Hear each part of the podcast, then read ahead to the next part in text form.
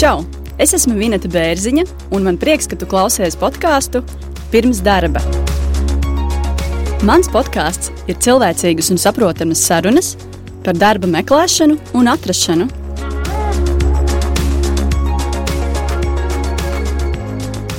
Šajā epizodē vispirms mēs runāsim ar Rīgas domas deputātu Māri Mičerevski, kurš jau četru gadu vecumā izlēma kļūt par politiķi. Nu, es domāju, ka man ir tāds pluss, varbūt viens. Jā, lielākoties politiķi drosmi grib izskatīties gudri, bet patiesībā ir stulbi.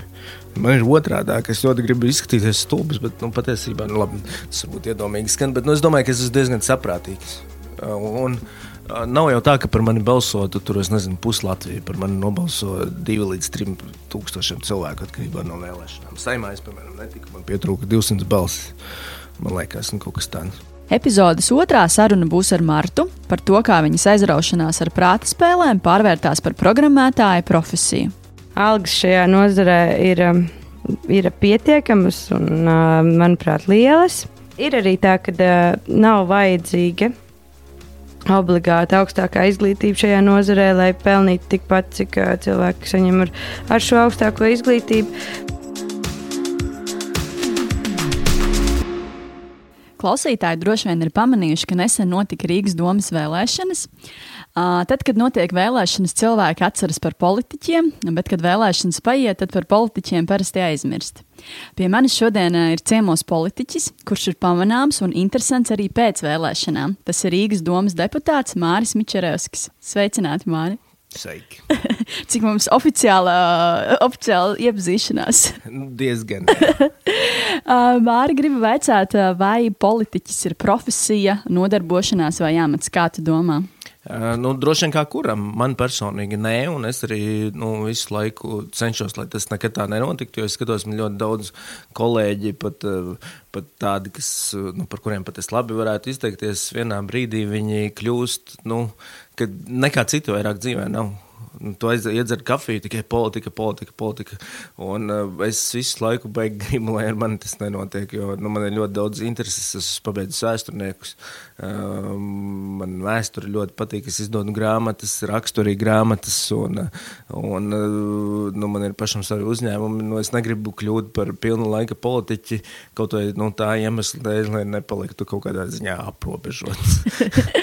Izklausās ļoti labi. Kā tu domā, kad cilvēks kļūst par politiķi, kad viņu ievēlē, kad viņš sāk darboties kādā par partijā, vai arī kad uh, viņš Twitterī sāk aicināt balsot par kādu partiju? Uh, kad, kad, kad varbūt tu pats kļuvi par politiķi, kurā brīdī? Mm, es droši vien kļuvu par politiķu četru gadu vecumā. Ko tu darīji? es iemācījos lasīt, un uh, pirmā grāmata, ko es izlasīju, bija Iliada. Manā mamma bija izlasījusi priekšā Odiseju, un tad es izlasīju Iliadu. Man beigās patīk sengrieķu. Uh, nu, viss, kas ir sengrieķu, patika. Tagad man daudz vairāk lietas patīk, bet toreiz bija ļoti aizgrābts tieši ar tiem sengrieķiem. Un, uh, nu, politika jau pats nosaukums ir, nu, toreiz valstis Grieķijā bija polises, jeb nu, pilsētiņas. Un eh, nu, politika ir, kad tu nodarbojies ar tās pilsētas, ir nu, savas valsts lietām. Un, eh, un, un es tiešām jau četru gadu vecumā biju tiešām domāju, kā cīnīties par Latvijas neatkarību. Un tā, un es domāju, ka tajā brīdī es kļuvu par politiķi. Bet eh, nu, tā pa īstam, tādā mūsdienu izpras, izpratnē, es politikā nonā, nonācu salīdzinoši nesen, pirms kaut kādiem četriem gadiem. Es jau ļoti sen jau to gribēju. Bet tad es atradu tādu mazu partiju, kurā kurai bija reitings 0,14%. Tā partija sauc Latvijas attīstībai. Tad es tur iestājos, tad viss aizgāja uz augšu. Viss sāka dzīvē notikt. jā, jau pēc gada jau mani ievēlēja domāt. Nu, nu, tur, protams, bija vēl diezgan ātri. Bet Tad... es tiešām es to nebiju tā domājis. Es gribēju, tiešām es iestājos tajā, tajā tieši partijā, jo man bija tādi politiskie uzskati. Es esmu liberāls ļoti, kādreiz tāds nebija, bet ar laiku es esmu tāds kļuvis. Un ekonomiski labējs, varbūt jā, bērnībā es biju pat komunists, varētu teikt. Tad, tagad es esmu ļoti labējs. Un tad nu, man liekas, ka tā ir tā partija, kuras gribētu paskatīties, nu, kā tur viss notiek. Bet tiešām tā sakrita, ka pēc gada viss aizgāja no skatīšanās pie būšanas Rīgas doma. Tad sanāk, ka četrus gadus tev esi Rīgas domē. Pastāsti, Trīs. Ka, trīs. Jā. Trīs gadi. Kāda, kāda varbūt ir deputāta darba ikdiena, kas obligāti ir jādara deputātam, un, un ko tu dari papildus? Varbūt? Uh, tur ir ļoti interesanti. No vienas puses, Rīgas domas tieši deputāta darbs. Uh, es tā smejoties, uh, to saucu par pasaku darbu. Jo tu vari nenākt vispār uz darbu. Nekas tev par to nav. Darbs no mājām. var, varbūt var iztikt vispār bez darba arī. Um, tev ir, nu, it kā tev ir jābūt parasti noteikti viena vai divas lielas domas sēdes, nu, kas tiešām paņem mēram visu dienu. Un tad ir, nu, kādas trīs, dažreiz piecas um, komiteju sēdes, nu, kas paņem pāris stundas. Tas ir mēnesī vai ne? Tas ir mēnesis. À, mēnesī. Tā kā, līdz ar to, ja varētu domāt, ka darbs, protams, kaulas nelauž, alga varbūt nav liela, viņa ir 750 eiro, bet, nu, ja tev tik reti ir kā jābūt, protams, ka tas, tas ir uz rokas. Jā, tas, protams, ir, ir ļoti labi. Un tu vari paralēli darīt jebko atšķirībā no saimnes deputāta, kur tu mm -hmm. uh, nevari pat savu uzņēmumu valdē būt. Bet uh, nu, man tieši sieva prasīja, uh, vai tu gribi, lai tevi ievēl atkal, un ko tu tur taisies darīt, vai ko tu vispār esi darījis. Un, un, un tad es tiešām tā aizdomājos par to jautājumu. Jo, nu, esot par deputātu, tu tiešām vari arī nedarīt neko, kā tur liela daļa arī mm, tieši to arī dara.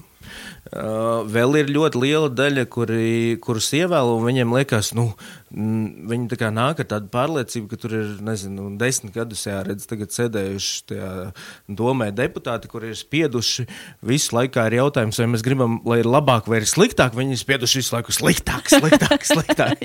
Tad viņi baigi apjūgt, ka tur tā nav, nu, ja tie jautājumi, nu, viņi nav acīm redzami, neviens nav balsojis, lai viss būtu sliktāk. Un tad viņi mēģina izdomāt, nu, savu, nu, kā lai pierāda paši sev to savu eksistences jēgu. Ja. Un, un, un vai grūti tas ir? Zini, tu tur sēdi un tu, nu, uzrakstīji kaut kādu priekšlikumu, vai uzliekam visā Rīgā puķipodus kaut kādas. vai nu, tagad noteikti būs ļoti aktuāli veloceliņi. Ja, bet, jā, jā. Bet tur jau nu, šos darbus jau dara ne jau deputāti, tur ir departamenti, kas jau izplāno un skatās kādu sagumu. Tur nav tā, ka nu, kurš balso par betona sagumu un tad visi paceļ rokas. Nu, tā tas nenotiek. Bet ko tad īsti dara deputāti? Viņi sniedz priekšlikumus, vai viņi balso? Vai gan, viņi sniedz gan, gan, jā, viņi var sniegt priekšlikumus, un pie tam ir tāda ļoti stulba tradīcija Latvijā, ka opozīcijas priekšlikumus vienmēr noraida. Vienalga, vai viņi ir labi vai slikti, viņš no, no, nu, vienmēr. Es domāju, mm ka arī tagad visticamāk, ka nekas nemainīsies. Es ceru, ka mainīsies, jo man personīgi tas ļoti nepatīk. Uh, priekšlikumus, protams. Uh, Un, nu, jā, un tā balsošana, nu, tas ir tiešām smags darbs, jo jautājumu ir ļoti daudz. Bet, uh, Jāceļ visu laiku kartiņu kaut kādā. Nē, tur ir jāspiež poga. Ah, poga jāspiež, uh, bet, arī nav viegli.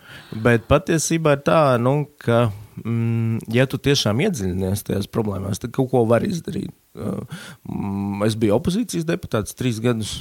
Uh, man varbūt tas bija kaut kādā ziņā grūtāk, bet uh, nu, man sanāca.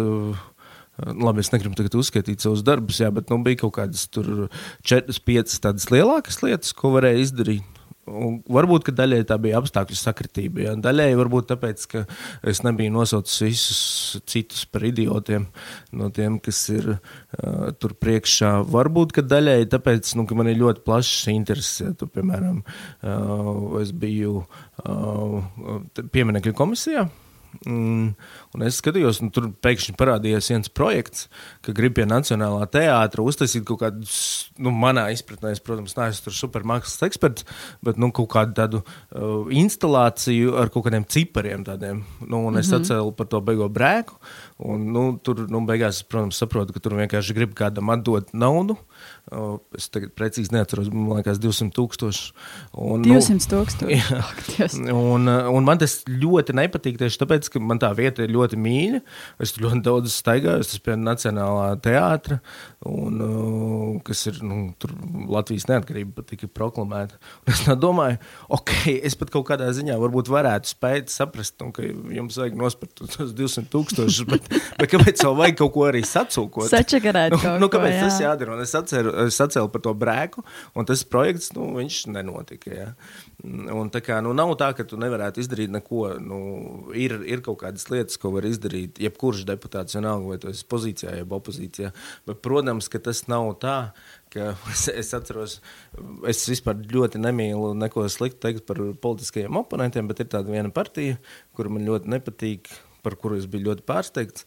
Mm, kur drausmīgi cīnās pret korupciju, bet nu, izrādījās, ka tas uh, intelekta apkopojums ir tik zems, ka viņi to korupciju mēģina ieraudzīt. Viņiem atnāk, piemēram, no pašvaldības policijas, atnes tādu budžeta uzmetumu, kur ir nu, sešas pozīcijas, algas, īres, transports un vēl kaut kas, visas miljonos. Un tagad šie cilvēki viņi skatās, un viņi skatās, kur jūs šeit nozagāt to naudu. Viņiem liekas, ka tur ir pats Nils Ušakovs atnācis pie tiem policistiem. Viņi kopā ir tur, tur kaut ko saguši. Man liekas, no ārprāts. Skaidrs, ka tur ir korupcija, bet nu, viņi jā. nevar atrast tādā veidā, ka. Mm, Tik acīm redzami. Jā, nu, tas, tā, nu, tas tā nenotiek. Jo tiešām nav tā, ka tur būtu sēdējuši desmit gadus neviena nepamanīti, pilnīgi blēži un nelieši, kuri to vien tikai darījuši, kā visu izdarīt sliktāk. Un tagad mēs atnāksim tādi labi cilvēki un piespiedīsim pareizo pogu un viss un Rīgu nākamajā dienā būs Ņujorka. Uh, nu, tā nenotiek. Mm -hmm. uh, kā ir ar rutīnu un uh, birokrātiju? Man ir sajūta, ka deputātam visgrūtākais ir tieši šis rutīna un birokrātija. Kā varbūt to ar to tiec galā? Um, patiesībā tā rutīna mm, tieši priekš deputāta nav pārāk izteikta, jo diezgan bieži, labi, tas bija pagājušajā sasaukumā, es nezinu, kā būs šoreiz, jo nu, tur Un no sākuma ir Nils Ušakovs. Mēs visi pret viņu ļoti cīnāmies. Tur notiek ārkārtas sēdes līdz četriem no rīta. Dažreiz notiek tur tāda reāla cīņa. Tad Nils Ušakovs nav vairāk. Tad sāk mainīties tie mēri. Tur nāk Dainis Turlais, tad ir Būros, ja, un tur cīnās par vicmēm. Nu, visu laiku, kas notiek, jā, bija varbūt kaut kādi atsevišķi, atsevišķi brīži, ka tiešām tās sēdes paliek tehniskas.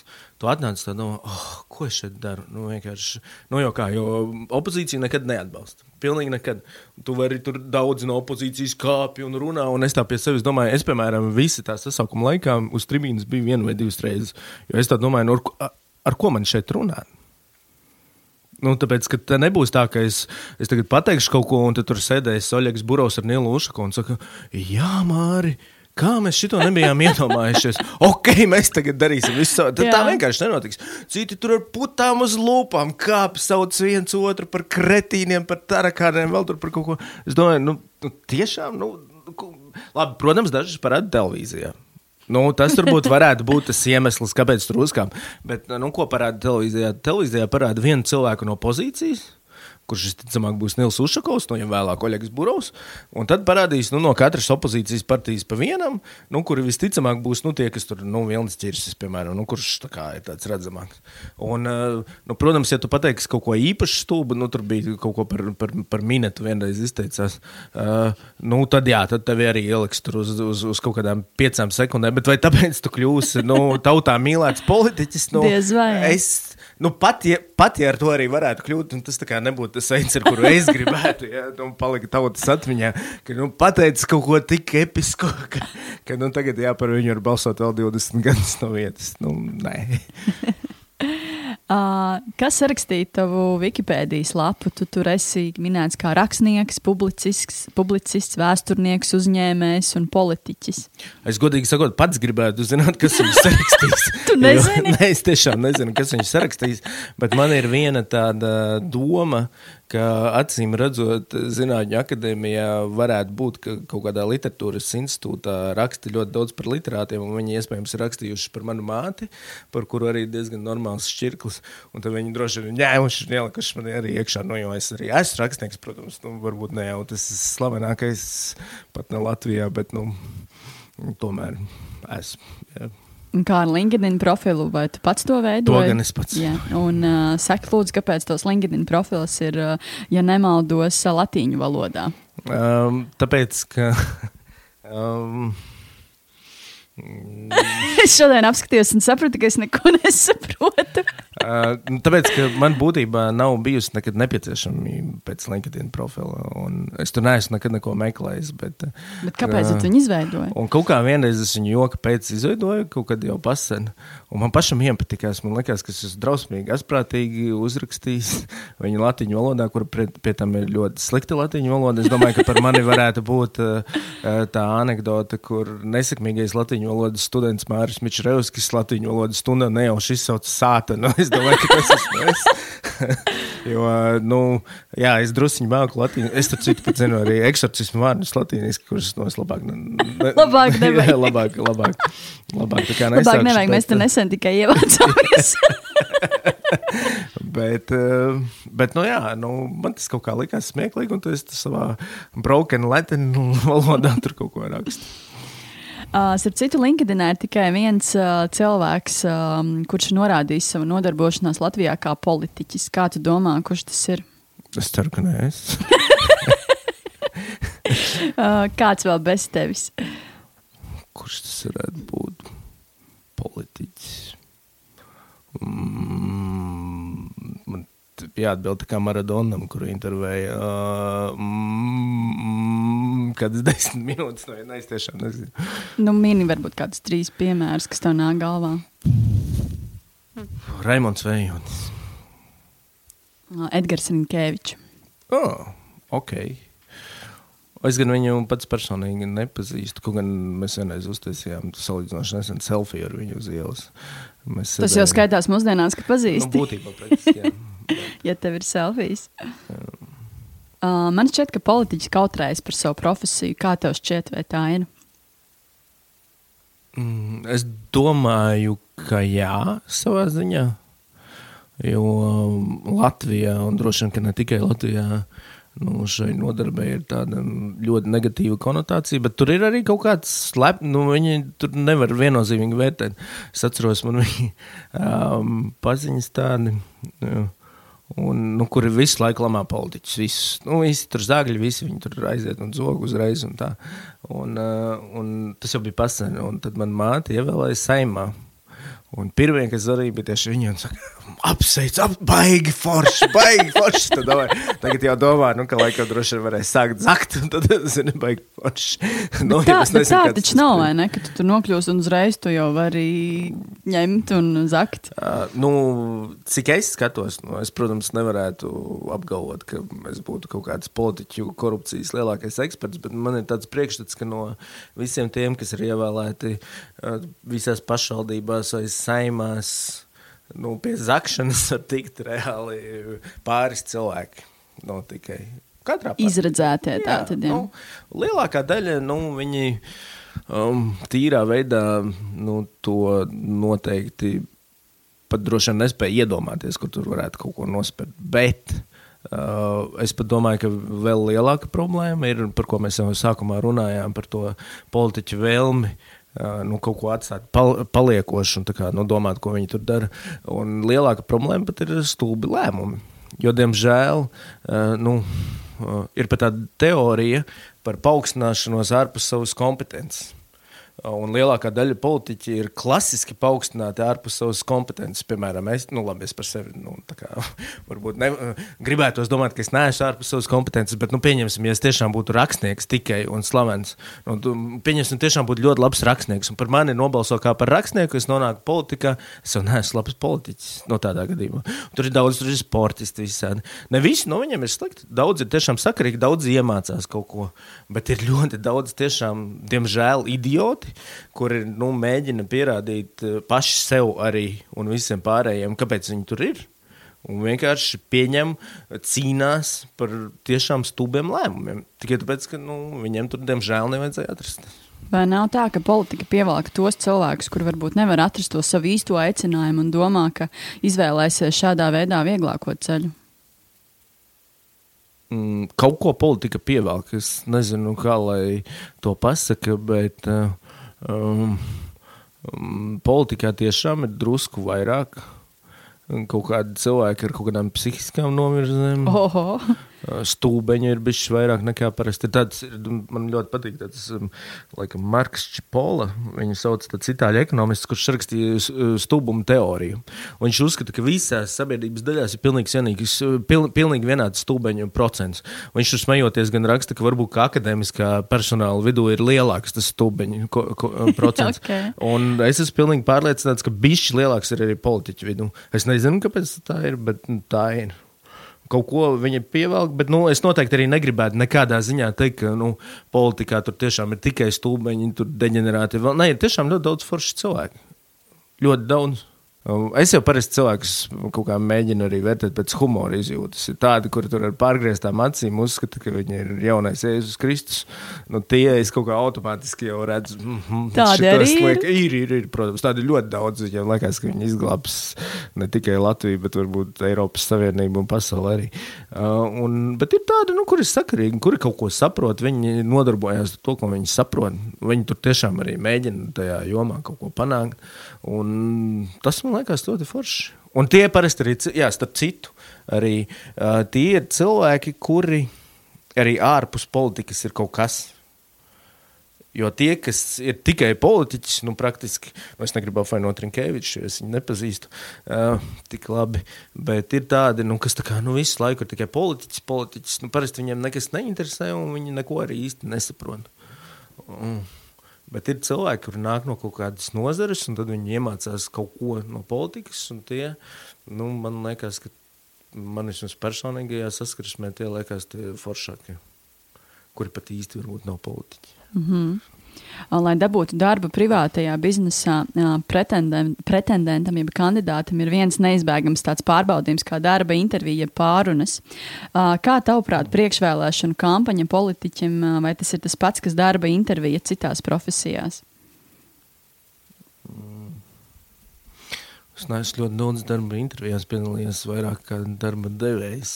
Kaut, kad, nu, kaut kas līdzīgs tur ir, protams. Kas tur varētu būt līdzīgs? Um, Un ka tu kaut ko mēģini par sevi samalot, ka tu esi labāks. es domāju, ka tā.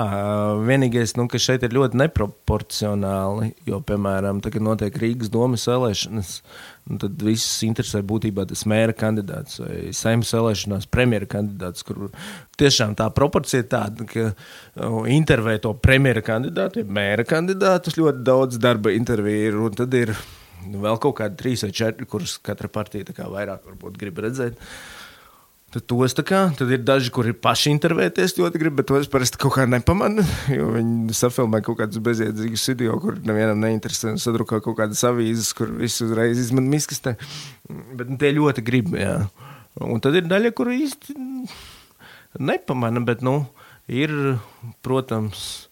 Um, Nu, es domāju, ka arī man, piemēram, nu, kaut kas, ko es, darīju, ko es esmu darījis iepriekš, nu, tas ir mans CV. Nu, to vismaz ir ieraudzījis. Nu, tā. Tāpēc par mani droši vien nobalso vairāk nekā par kādu cilvēku, kuram tāda CV publiska vismaz latviešu valodā nav.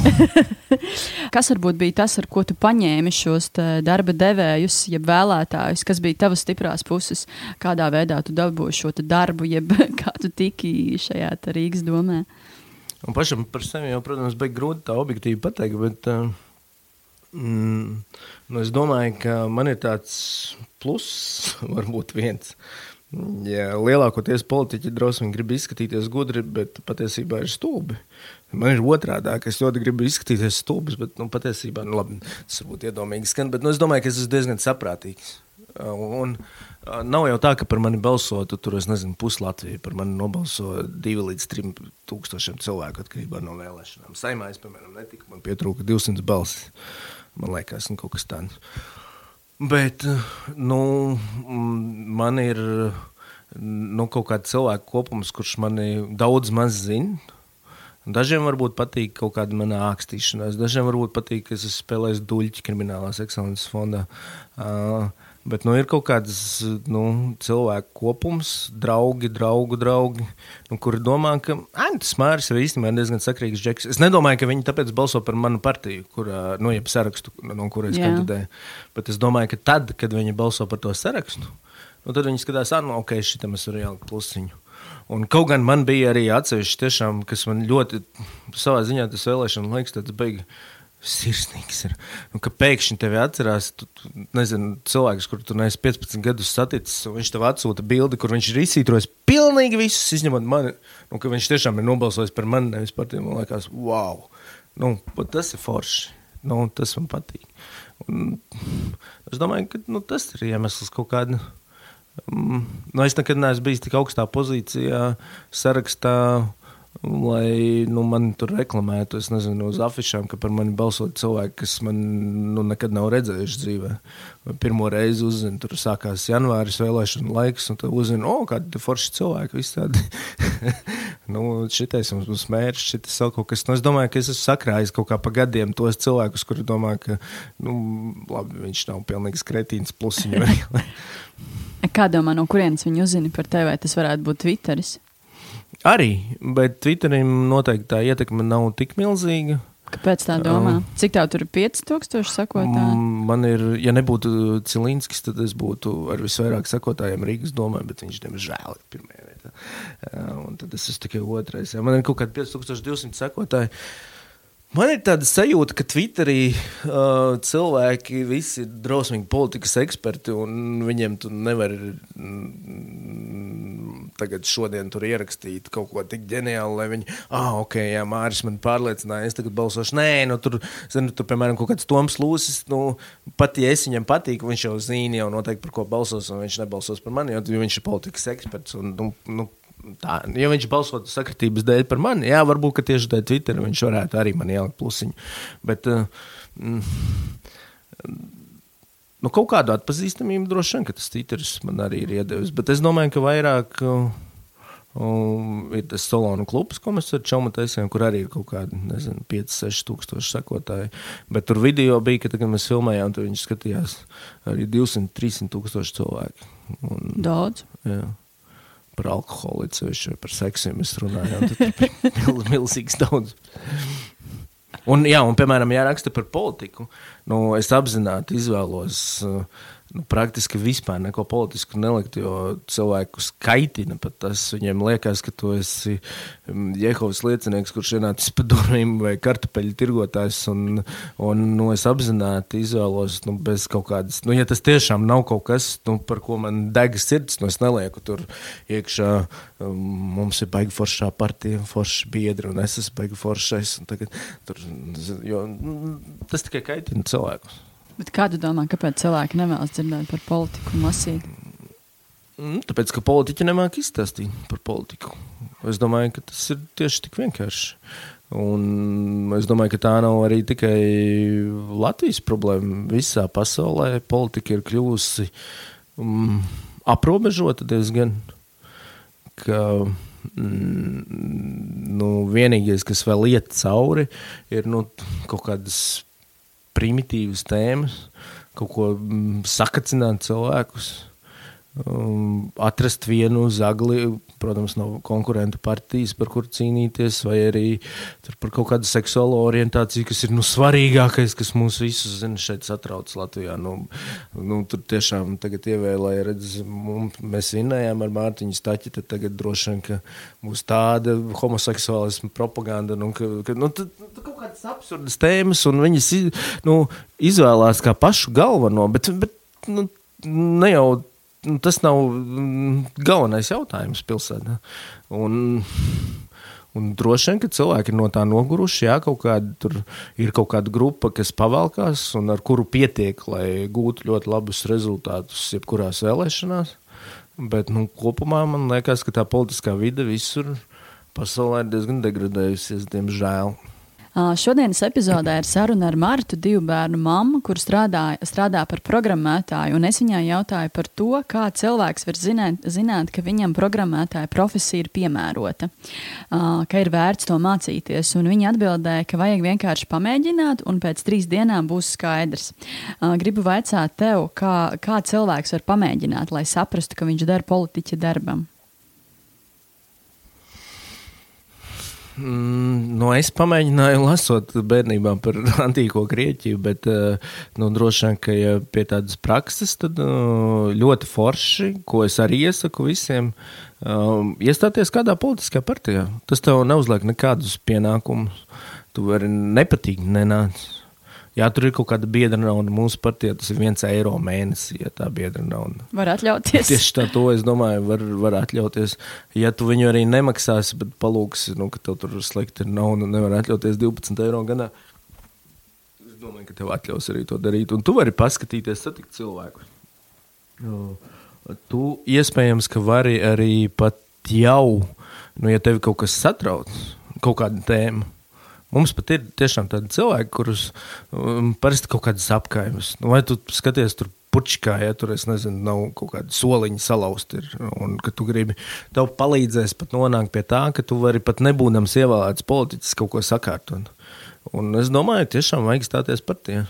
Uh, saki, lūdzu, kā tu domā, vai savā CV uh, vajag uh, rakstīt piedarību konkrētai partijai? Un vai tu to dari? Vai tev vispār ir CV? Mm, man ir CV.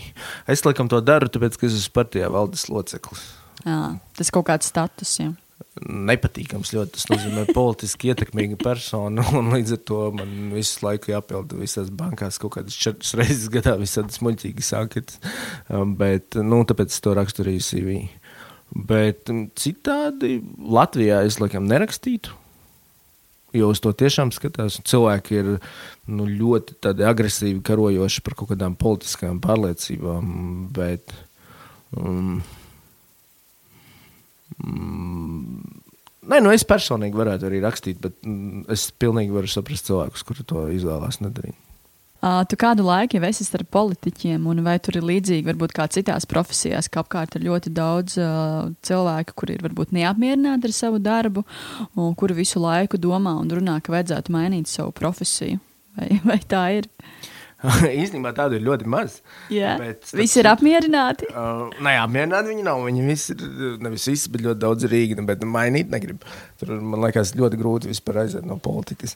Bet kas man ļoti patika, tas tāds vairāk smieklīgs gadījums. Jau sen atpakaļ es vēl pats nebiju partijā, un toreiz bija, kurš tagad man ir ap, apvienības biedrs, ne partijas biedrs Daniels Pauļots. Viņš toreiz bija tikko kļuvis par ekonomikas ministru. Viņš ir tāds jaunais, stilīgais ministrs. Un, un, um, es uzstājos vienā pasākumā ar lekciju, vairāk neatceros par ko. Un tur sēdēja Daniels Pauļots pirmajā rindā.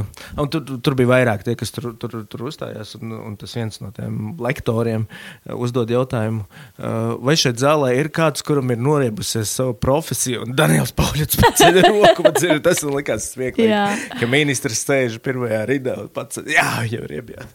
Nu, gan jau ir kāds, jā, noteikti, ka ir. Bet uh, es teiktu, ka tas ir mazāk nekā citās profesijās. Jo kaut kā arī politikā vienmēr laikam, visiem ir tāda sajūta, ka nu, tūlīt jau kaut kas notiks. Nu, tad dzīve ies uz augšu, vai nu tur kļūšu par ministru vai prezidentu vai nu, kaut ko vismaz komitejas vadītāju. Tāds banāls, banāls jautājums darba intervijās, manuprāt, viens no banā, banā, banālākajiem. Ko, kā tu sevi redzi pēc pieciem gadiem? Es arī tev gribu uzdot šo, šo jautājumu. Kā tu sevi redzi pēc pieciem gadiem?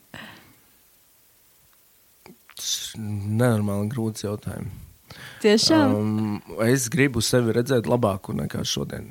Jo nu, es visu dzīvi tiecos um, nu, sevi. Um, ar lielu slinkumu, varbūt, bet nu, es tiecos sevi pilnveidot. Un, ja es skatos, kāds tas bija, nu, kad man bija 30 gadi, vai tā, man bija 20 gadi, um, nu, es droši vien, ka tajā vecumā uz sevi tagad skatītos ar skaudību. Uh, tā mums bija vienreiz saruna ar, ar, ar, ar labāko draugu. Mēs sēdējām vienā kafejnīcā un ēdām kūkas, nu, kas ir mūsdienās pasaulē ir otrādi apgriezusies. Džeki ēd kūkas un meitenes krogos dzer alkoholu. Un, Normāli. Bet, bet tajā kafejnīcā tiešām izskatījās nu, tāds beigas, nu, smalks ļoti tas iekārtojums. Un, un mēs ar to labāko draugu kopā mācījāmies Ašas fakultātē. Mēs sākām tur mācīties 2000. gadā. Nu, kad banalizējot, mēs tomēr visi bijām bomži. Nu, visi bija pelēks, mēs staigājām noplēstās drēbēs un, un dzērām maliņu par 16 centīmiem. Bet, uh, nu jā, un tad es viņam prasu, ja tev parādītu bildi, kur mēs tagad sēžam. 2000. gadā, kad domā, kas būtu, nu, pateikt, ka tas ir pēc 20 gadiem. Jā. Un prasīt, tev, kā tev liekas, nu, kas, kas ir noticis? Viņš skatās, viņš saka, es laikam domāju, ka mēs esam kļuvuši par miljonāriem pēc 20 gadiem. Un, un tas ir līdzīgi pēc pieciem gadiem. Jā. Es arī gribētu, lai man parāda bildi, un man liktos, es, lai man būtu tā sajūta, ka es skatītos no tāda skaudīga, wow, kas es esmu pēc pieciem gadiem. Nevis nu, tā kaut kā. Es ceru, ka tas arī notiks. Es arī. Paldies, Mārtiņ, par sarunu. Paldies tev! Šī podkāstu epizode ir pusē, uzpildām kafijas krūzi un turpinām sarunas. Šodien pie manis ciemos ir Marta Būmene. Ar Martu es vēlos aprunāties par viņas karjeras ceļu un gribu viņu iztaujāt, kā viņa nonākusi tur, kur viņa šobrīd ir. Sveika, Marta! Sveiki! Uh, saki, lūdzu, kā varbūt sākās tava karjera? Kas bija tavs pirmais darbs? Uh, mana karjera, manuprāt, tāpat kā lielākajai daļai jauniešu, sākās uh, kā pēc vidusskolas. Um, man bija ļoti grūti izvēlēties, kurus gribu studēt. Jo kā mm, man skolā diezgan labi padevās plašā spektrā priekšmeti, un es nevarēju izvēlēties, ko lai studēju. Es īsti nezinu, kāpēc, bet es aizplūdu uz to tiesību zinātņu pusi. Varbūt tāpēc, ka man bija diezgan labas attiecības ar vēstures skolotāju skolā, un tā kā juristiem arī diezgan daudz tā vēsturi jāmācās, tad tādā, tādā arī veidā es nokļuvu tajā jurisprudencē. Un, um, Jā, un skaidrs, ka mums arī um, studējot bija prakses, kur arī bija iespējas kā, paturpināt šajās prakses vietās, arī mm, pastrādāt. Un, uh, jā, un tad uh, tāda pirmā darba pieredze.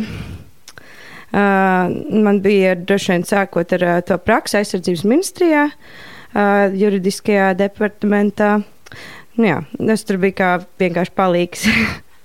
Dažādas dokumentus rakstīju. Tā. Cik ilgi bija tajā praksē? Ah, tas bija kaut pusgadu, laikam, bet nu, es uzreiz sapratu, ka tas man tā kā galīgi, galīgi nepatīk. Nu, man, es sapratu, ka es nekad nestrādāšu. Uh, Valsts iestādē, uh, tādā ierēģiņa amatā, jo, uh, manuprāt, ir pārāk liela tā birokrātija. Man ļoti nepatīk tas, ka es tā kā uh, redzēju ļoti daudz, cik daudz darbs tiek darīts lieki, jo tiek rakstīti daudz ziņojumi, daž, daž, daž, daž, dažādi papīri, kurus principā neviens nekad nelasīs, tas vienkārši ir tīri formalitātes pēc, un, protams, studentiem un uh, juristiem un maziņiem tikai tāds darbs vien no sākuma dod. Līdz ar to es sapratu, ka uh, es gribu darīt uh, kaut ko tādu. Uh, lai man būtu gandrījums par savu padarīto darbu. Un ko tu sāki darīt? Uh, es, uh, jā, nu, es strādāju vienā uh, uzņēmumā par uh, administratoru, bet tā bija tāda neliela uh, firmiņa, un es tur uh, darīju vienlaicīgi arī um, nu, neliels grāmatvedības darbības, nu, jo tur, tur tiešām bija ļoti maz tā, tas uzņēmums, un um, tad es kā, darīju vienlaicīgi ļoti daudz lietas. Uh, Nu jā, es visu laiku paralēli arī uh, studēju, meklēju apkārt variantus un iespējas. Un, nu, uh, protams, tas vienmēr tās studijas bija prioritāte, un tie darbiņi pakārtoti tam.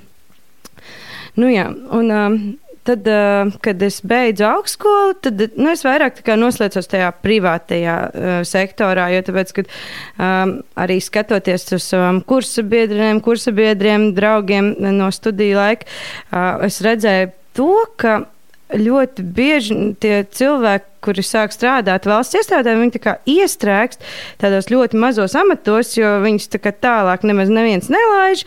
Uh, viņiem ir mazas algas, viņu darba apjoms ir liels.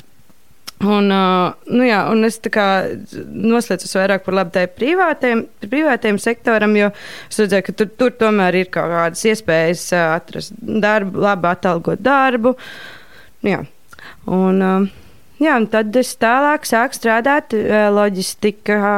Uh, sākotnēji ar domu pildīt uh, jurista uh, pienākumus, kas attiecīgi bija dažādu strīdu jautājumu risināšana un arī uh, līgumu slēgšana uh, un tādas lietas, bet uh, par cik uh, tas darba apjoms nebija tik liels, un katrā transporta tajā loģistikas nu, uzņēmumā darba apjoms kopējais ir ļoti daudz. Līdz ar to es ņēmu arī uz sevīm tos uh, transporta menedžera nu, krāva organizēšanas pienākumus. Jā, tad, uh, tad es sāku strādāt loģistikā kādu laiku. Cik ilgi pabija loģistikā? Uh, tur ar pārtraukumiem. Tas, nu, man liekas, kādas trīs gadus, bet tad es kādu brīdi pastrādāju, un tad man jau bija viss apnicis, un tad atkal strādāju. Tā, jā. Tad pagāja trīs gadi, un ko tu nolēmi doties projām no loģistikas? nolēmu doties dekrētā. jā, uh, jā, nu tā sanāca. Es biju diezgan laikam atvieglot un priecīgi. Nu, protams, biju priecīgi, bet es biju arī atvieglot, kad varēju nedaudz tikt no tās darba vidas prom. Un pēc dekrēta, ko, pēc ko dekrēta man de, ar to dekrētu sanāca tā, ka man bija diezgan ilgs tas dekrēts, jo man pēc pirmā bērniņa uzreiz pieteicās otrs, un tad sanāca, kad es biju mājās, nestrādājot, nu, sanāca, kad, nu, dekrēts man sanāca, laikam, trīs ar pusgadi, un tad, nu, es kopumā nestrādāju piecus gadus. Kā bija pēc pieciem gadiem atgriežoties darba tirgū, meklēt darbu? Uh, ļoti vienkārši, jo tāpēc, es šo piecu gadu laikā diezgan aktīvi mācījos. Un, un, nu, jā, un ta, tagad... Forši, ko tu mācījies? uh, es mācījos programmēt. Piecus gadus? Uh, negluži piecus gadus. Uh, laikam sanāk nu tā, nu kāds divi ar pus. Uh, nu, bet arī aktīvi sanāca tikai tos pēdējos mēnešus. Tā kā pirms darba uzsākšanas. Nu, es principā, es, kā es nonācu līdz tai domai par to programmēšanu, es vispār īsti pati nevaru saprast. Es uh, mēģināju apzināties mm, tās stiprās puses sevī. Man vienmēr ir bijusi laba atmiņa uz skaitļiem. Uh, man vienmēr patīk šis tādas, um, um, tādas lietas kā dažādi erudīcijas, bet tieši tādi matemātiskās uh, visādas tādas lietas, kas uh, nu, tādi uzdevumi un uh, um, tie cietie riekstiņi un mezgli un puzles un uh, tād, tādas tā kā uh, mīklu risināšana. Un, jā, tad es iedomājos, ka man vajadzētu pamēģināt to programmēšanu. Man arī bija bijis tā, ka man uh, viens labs draugs, kurš pats gluži nebija programmētājs, viņš bija uh, interjeru dizainers, bet viņš vienmēr man bija teicis to, ka man vajadzētu būt programmētājai dēļ tā, ka es vienmēr, kad mēs spēlējam visādas galda spēles, vienmēr visu atcerējos un tā. Jā, un tad es domāju, ka man tā kā laiks tam visam ir, un kāpēc ne? Um, No sākuma mana doma bija tāda, ka es uh, uh, mācīšos patstāvīgi. Uh, meklēšu internetā kursus, uh, dažna, dažādas materiālus, vienkārši mācīšos. Bet tad es sapratu, ka uh, man tomēr vajadzīga nedaudz uh, tāda kā. Uh, palīdzība klātienē, jo tāpēc, ka tomēr man mājās bija, bija laikam, tad vēl bija tikai viens. Bet, uh, Jā, mazie, kuri vienmēr prasa uzmanību, tad kā, vienmēr tie mājas darbi un uzdevumi novērš uh, to uzmanību no kaut kādām mācībām. Un tad es uh, vienkārši meklēju internetā daži, dažādus kursiņus, un es atradu vienus kursus, kuri, uh, kuri bija tādi domāti kā tikai ieskatam mm -hmm. programmēšanā. Uh, Un man ļoti, ļoti paveicās, jo man tur bija tāds ļoti. Uh, foršs pasniedzējs, kurš mācīja, kā ieinteresēt, bet viņš jau pašā sākumā pozicionēja to, ka uh, mēs šeit nemācīsimies programmēt, mēs tikai apskatīsimies, kas tas ir, un, uh, nu, lai jūs vispār saprastu, nu, tā kā pašus pamatus. Un, uh, jā, un tas bija tiešām forši, tie, tie bija tādi kursi ITLēt, uh, jā, ar uh, foršu pasniedzēju, kurš uh, arī vispār pasniedz programmēšanu Rīgas valsts tehnikumā. Bet, nu jā, tad es tā kā, jā, un tad. Es šim pasniedzējam neliku mieru. Es teicu, ka es gribu vairāk, es gribu kādus uzdevumus, lai viņš man kā, dod un uh, parāda. Un tad viņš man teica, to, ka, klausies, es, nu, es esmu dzirdējis, ka ir vēl tādi varianti, kad ir tie kodoleks kursi. Mm -hmm. Uh, kad, uh, nu, ja tu ļoti gribi un gribi kļūt par programmētāju, tad uh, varbūt tas, kad, nu, paskaties, ko viņi piedāvā un palasi. Un tā es nokļuvu un cik ilgi bija Kodeleksā? Uh, četras mēnešus.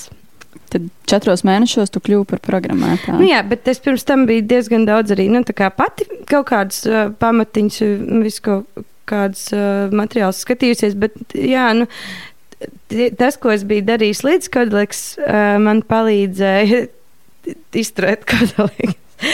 nu, ja tā var teikt. Nē, nu, tas, tas man deva ļoti labu tādu sākumu. Tāpēc, ka man bija daudz vienkāršāk kā citiem, jo es ļoti daudz ko jau sapratu. Tā.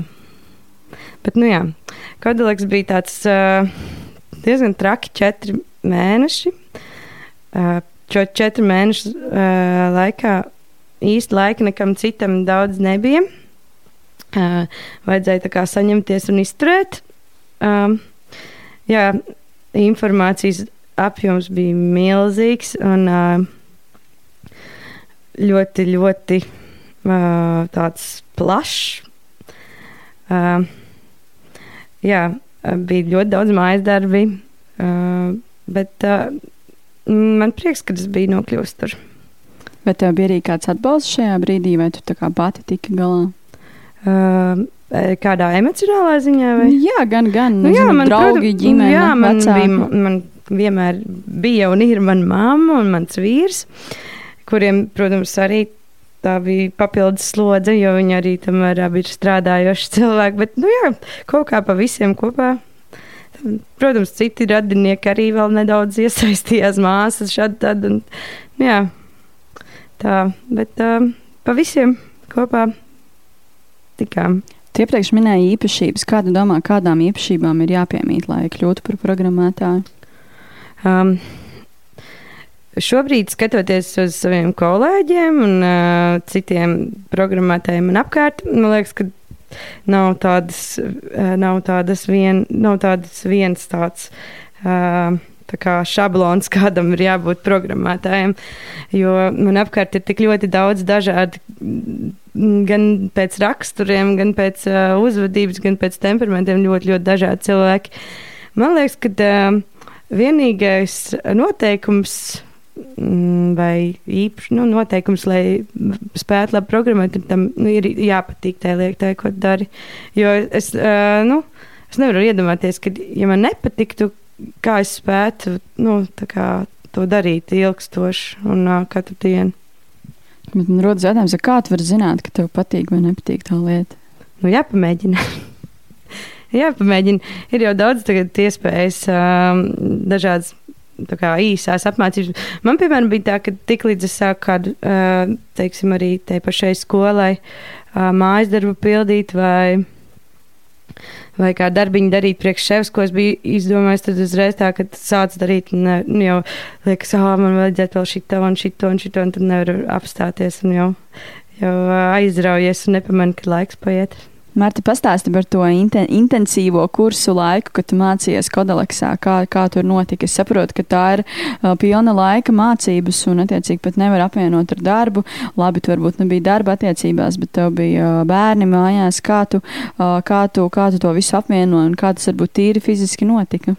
Uh, mūsu kursi notika trīs reizes nedēļā vakaros, un tad sestdienu visu dienu. Uh, nu jā, līdz ar to es to varēju savienot nu, kā, ar, ar, ar manu vīru darba grafiku, jo viņš pa vakariem bija mājās un arī sestdienās. Protams, tas bija tā grūti no vienas puses, jo tāpēc, kad likā, likā, bija tā sajūta, ka mēs nepavadam laiku kopā bija arī žēl visas sestdienas pavadīt skolā, jo uh, man tieši trāpījās mācīties vasarā, un tad uh, gribējās braukt uz jūru braukt uz ezeru. uh, un tad uh, man ģimene man sūtīja bildes, kā viņa atpūšas. Jā, bet, uh, bet uh, es visu laiku paturēju prātā to, ka tā ir tikai viena vasara, tā, tie ir tikai tie četri mēneši. Un, tas nav ilgtermiņā, jā, tas ir vienkārši viens maz brīdis, jā, kur jāsaņem. Tas ir to vērts.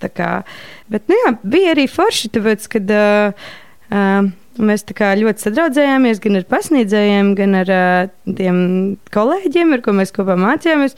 Uh, un laiks, uh, pavadītais laiks Kodleksā bija gan grūts, jo bija ļoti daudz tie darbiņi, bet arī ļoti interesants un jautrs. Mēs ļoti sadraudzējāmies, mums bija smieklīgi, jautri. Tas bija kā grūti, bet pozitīvi arī. Es redzu arī tavu LinkedIn profilu un skatos, ka desmit mēnešus tu jau strādā kā, kā programmētājs, kā JavaScript programmētāja. Kā bija darba meklēšana? Cik ilgā laikā tu atradi darbu? Nu, laikam pagāja pāris nedēļas, vai, nu, vai pat varbūt pat mēnesis. Bet, nu, nē, man liekas, uh, mums vēl nebija beigušies Kodlaks uh, kursi, kad mēs jau sākām sūtīt savus CV uz dažādām vietām. Uh, es laikam biju. Bez manis esošās darbvietas bija vēl uz vienām pārunām, tā kā klātienē, un vienām uh, online pārunām. Bet es jau, jau tad jau uh, vairāk noslēdzos, ka es gribu tikt uz to savu darbu vietu. Un uh, patiesībā nevienā citā iepriekš, nu, labi, cik no es esmu bijis cita, citās nozarēs, bet es neesmu redzējis, ka ir tik ļoti nopietnas tās darba intervijas vispār sfērā, kā tādā, ka vienmēr ir. Ļoti daudz jautājumu tehniski, ļoti daudz tādu arī ļoti, ļoti bieži programmētājiem ir mājas darbi jāizpilda pirms viņus uzņem darbā. Un, attiecīgi, man arī manā, manā darbvietā man bija um, tāds liel, diezgan apjomīgs mājas darbs, kurus pildīju gandrīz nedēļu, uh, kurš bija ļoti sarežģīts, manuprāt, bet ļoti interesants arī. Uh, jā, un uh, tas prasīja arī laiku. Un pēc vairākām intervijām tad arī tiku. Uh, tu minēji, ka šajā darba vietā tev bija diezgan tāda nopietna atlase, atlases jā. process. Uh, varbūt tev ir kaut kādas citas pieredzes.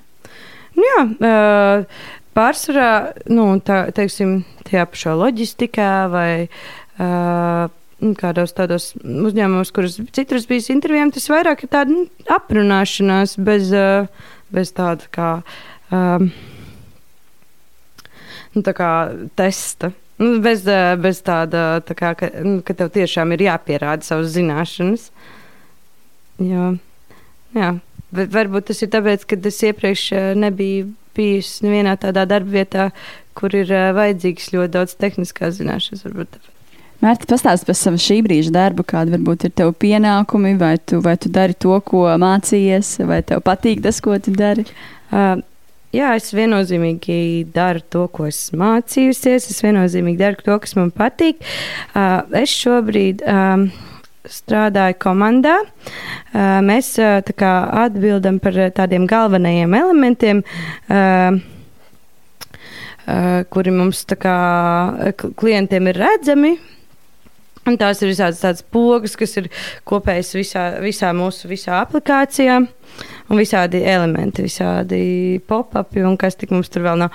Uh, jā, nu es vairāk uz tajā UX, kas ir tā kā user experience daļā. Uh, uh, vairāk uh, šobrīd nodarbojos tieši ar to uh, vizuālo daļu.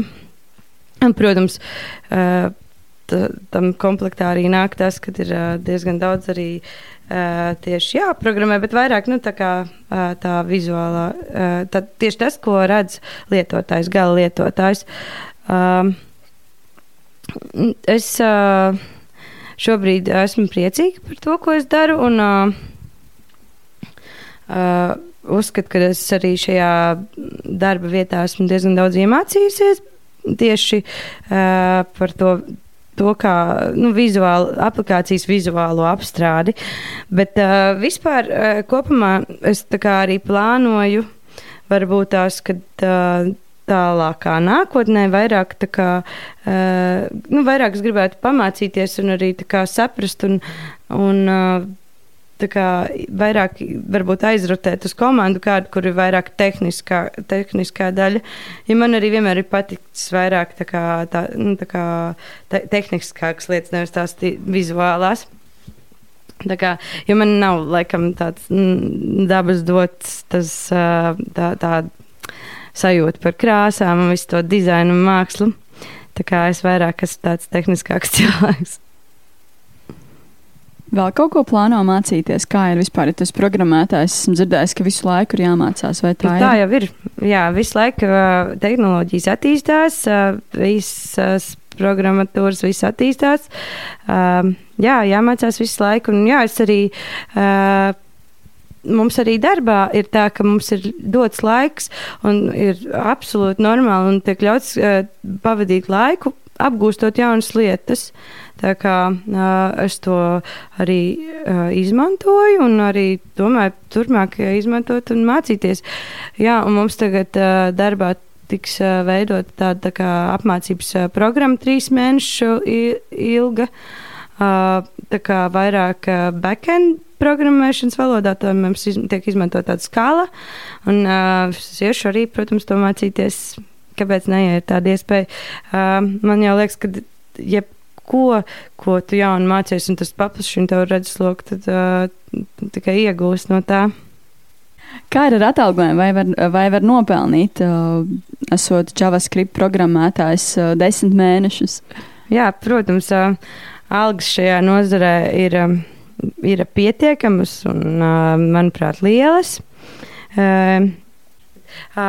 Ir arī tā, ka uh, nav vajadzīga obligāti augstākā izglītība šajā nozarē, lai pelnītu tikpat, cik uh, cilvēki saņem ar, ar šo augstāko izglītību. Protams, uh, pēc manām domām, augstākā izglītība vienmēr ir kā vērtība. Um, varbūt arī es nākotnē var, nu, mācīšos uh, kādā, kā, kādā universitātē tieši šo programmēšanu. Bet, uh, jā, algas ir, manuprāt, liels. Es tā saklāsu, ka nauda varbūt nav galvenais, kāpēc to sāki no, darīt, bet kas, kas varbūt ir tieši tavs dzinulis, tava motivācija? Manuprāt, nu jā, man nauda nav tā kā galvenais, jo tāpēc, kad uh, man ir tā paveicies, ka, uh, principā, es jau varēju vispār nestrādāt. Man uh, vīrs uh, uh, var uzturēt ģimeni. Uh, man galvenā motivācija laikam ir tas, ka man ir uh, vienmēr. Uh, tāds bijis tas dzinulīts, kad uh, man gribas uh, darīt, man gribas darīt kaut ko sarežģītu, un tā, lai es jūtu, ka uh, es attīstos. Un tā lai es jūtu, ka uh, es nestāvu uz vietas, un uh, tāpēc šī programmētāja profesija ir ļoti pateicīga, jo uh, visu laiku ir tā sajūta, ka vajag vēl mācīties un vēl augt, augt, augt, un nekad nevar apstāties. Nu, nav, nav tāds Tā ne, nevar apstāties. Ne, nekad nav tā, ka tu zini pietiekami daudz. Vienmēr var vēl un labāk. Uh, Mārtiņš, saka, lūdzu, kāpēc tu savā CV esi norādījusi, savā LinkedIn profilā esi norādījis tieši uh, un tikai vienīgi šī brīža darba pieredze, kāpēc tur nav iepriekšējais darba pieredzes, ko mēs tikko izrunājām? Uh, nu, laikam tāpēc, ka es šo LinkedIn profilu um, izveidoju. Uh, Tā kā ar domu startēt šajā programmētāju tirgu, ne, nevis.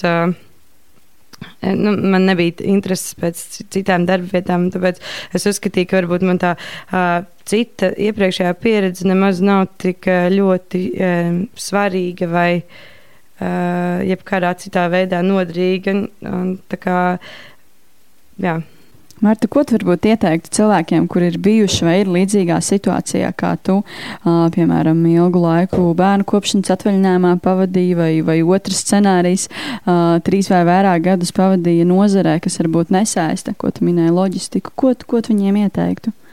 Um, es viņiem ieteiktu, ka, ja viņiem ir interese par kādu lietu, noteikti nevajag baidīties un vajag iet un pamēģināt. Un varbūt, kad Jo tad, kad tu pamēģini, tad tev vairāk nav bail no tā, kas, no, ne, no tā nezināmā.